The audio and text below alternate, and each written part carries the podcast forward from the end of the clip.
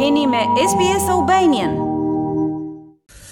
Republika e Maqedonisë së Veriut ka miratuar këtë javë rekomandimet e shtabit kryesor koordinativ të krizës për përballjen me Covid-19. Këto rekomandime dolën nga seancat e Komisionit për Sëmundje Ngjitëse që kanë të bëjnë pikërisht me lehtësimin e masave anti-Covid.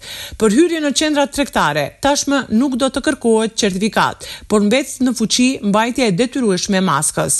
Në objektet hotelierike, në kuadër të qendrave tregtare, Covid certifikata mbetet e obligueshme. Si masë tjetër lehtësuese, miratohet vendimi që vërtetimi i shërimit nga koronavirusi të vlejë njëqind e tetëdhjetë ditë dhe jo siç ka qenë deri tani dyzet e pesë ditë nga data e PCR testit pozitiv.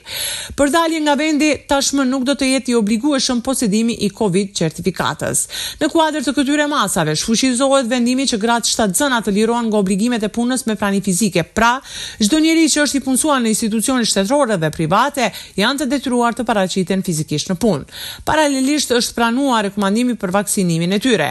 Autoritetet e shëndetësisë thonë se lehtësimi i këtyre masave është bërë për shkak të stabilizimit të situatës epidemiologjike dhe rënies së ndjeshme të infektimeve të reja me Covid nëntëmbëdhjetë, rasteve të vdekjeve dhe hospitalizimeve, por edhe për fillimin e funksionimit më normal të jetës. Në ndërkohë kriza në Ukrainë është ndier thellë në Maqedoni. Çmimi i bukës, miellit, derivateve të naftës është ngritur dhe po vazhdon rritja në ndërkohë që furnizimi është bërë tepër i vështirë. Autoritetet kanë marrë masa në qeveri që do të ketë ulje të marzhës dhe lehtësime tatimore për prodhimet ushqimore, naftën dhe energjinë elektrike. Në bazë të paralajmërimeve të mëhershme të autoriteteve, është e mundur që TVSH-ja e energjisë të mbetet në pesë për qind deri në fund të vitit, edhe pse duhej të kthehej në masë dhjetë për qind deri në qershor. Një pjesë e biznesmenëve, kanë kërkuar nga qeveria uljen e akcizës së naftës që do të thotë se ka shumë mundësi që lehtësimi tatimor të jetë pikërisht për uljen e akcizës. Janë paraparë edhe masa të tjera. Për më tepër, do të ndjekim ministrin Kreshnik Bekteshi në një deklaratë dhënë për media. Nuk ka vend për panik. Qytetarët mos të bien prej spekulimeve të portaleve të caktuara apo të disa tregtarëve që janë profiterë lufte. Voeni profiteri. Unë mund të siguroj qytetarët që Maqedonia e Veriut siç ka qenë lider në rajon, edhe këtë radhë do të ketë çmimet më të lira duke krahasuar me shtetet fqinjë. Ulja e çmimeve të naftës ka nxitur edhe reagime tek pompat e benzinit. Pikërisht kompania Makpetrol ka thënë se është e mundur mosposedimi me derivate dhe bllokimi total i qytetarëve në aspektin e furnizimit me derivate të naftës.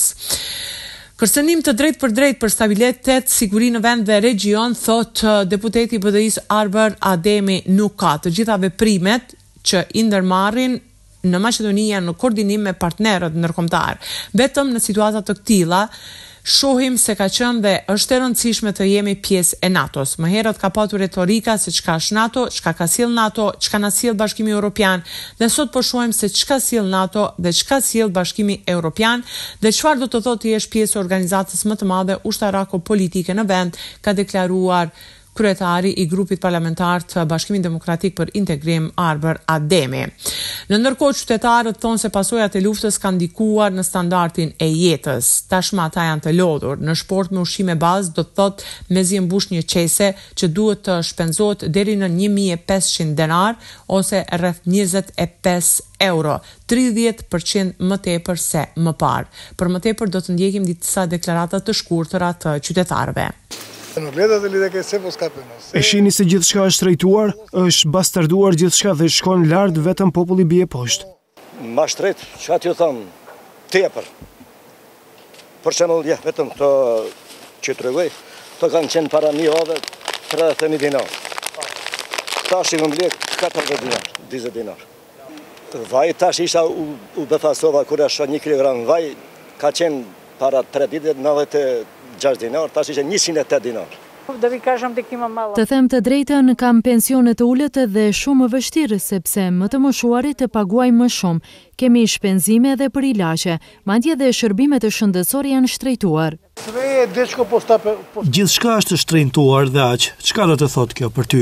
Për mua do të thotë diçka jo normale. Ndryshe, këtë javë janë shënuar festa e shtatë marsit, pikërisht njëqind e tridhjetë e pesë vjetori i shkollës së parë shqipe me një akademi solemne në Universitetin e Tetovës, ndërkaq Ansambli Shtetëror i Këngëve e Valleve Popullore Shqiptare për herë të parë shënoi këtë festë dhe pikërisht për herë të parë ishte i pranishëm në Bujanovc. Më datë tetë mars, Universiteti i Tetovës organizoi tribunë muzikologjike dhe koncert me titull Gratë në Kulturë. Pjesëmarrësve në këtë manifestim, me fjalë rasti, iu drejtua rektori i Universitetit të Tetovës, profesor doktor Reshat Qahili. Ai tha se universiteti, përpos shënimit të festave të tjera dhe festës së tetë marsit, i kushton po të njëjtën rëndësi dhe se përherë e shënoi në mënyrë institucionale. Këtë manifestim e përshëndeti edhe sekretari shtetëror në Ministrinë e Kulturës, Valmir Aziri, i cili tha se është kënaqësi që artistët shqiptarë nga Republika e Maqedonisë së Veriut na bëjnë krenarë gjithkund nëpër botë. Në këtë ngjarje, eksperiencat e tyre jetësore i rrëfyen emra të njohur të kulturës shqiptare, sopranoja, dhe mjeshtërja e madhe Edit Mihali, profesoresha e muzikologjisë Doctor Zana Shuteriqi, pianistja e njohur Rudina Ciko, aktorja strugane Ilire Vinca, prodekanja për shkencë e Fakultetit të Arteve në Tetovë, Jëlldëz Asani, profesoresha inordinare Ariana Grubi dhe dirigjentja e parë femër shqiptare Agona Çupi. Në kuadër të këtij manifestimi u realizua program artistik, ku performuan edhe Pranvera Hoxha, Alba Muçolli, Nita Grubi, Zana Zymeri dhe Flamure Abdullahu nga Kosova dhe Maqedonia e Veriut. Për panelistët dhe artistët pjesëmarrës në këtë aktivitet, rektori Reshat Qahili në shenjë respekti për kontributin e tyre, ka ndarë mirënjohje, kurse grave të tjera pjesëmarrëse në këtë manifestim u ndanë lule që është një akt tradicionalisht i bërë në Universitetin e Tetovës. Për Radion SBS raporton nga Republika e Maqedonisë së Veriut, Besiana Mehmeti. A ju pëlqeu ky reportazh? Për më shumë vizitoni Apple Podcast, Spotify ose faqet e tjera të podcast.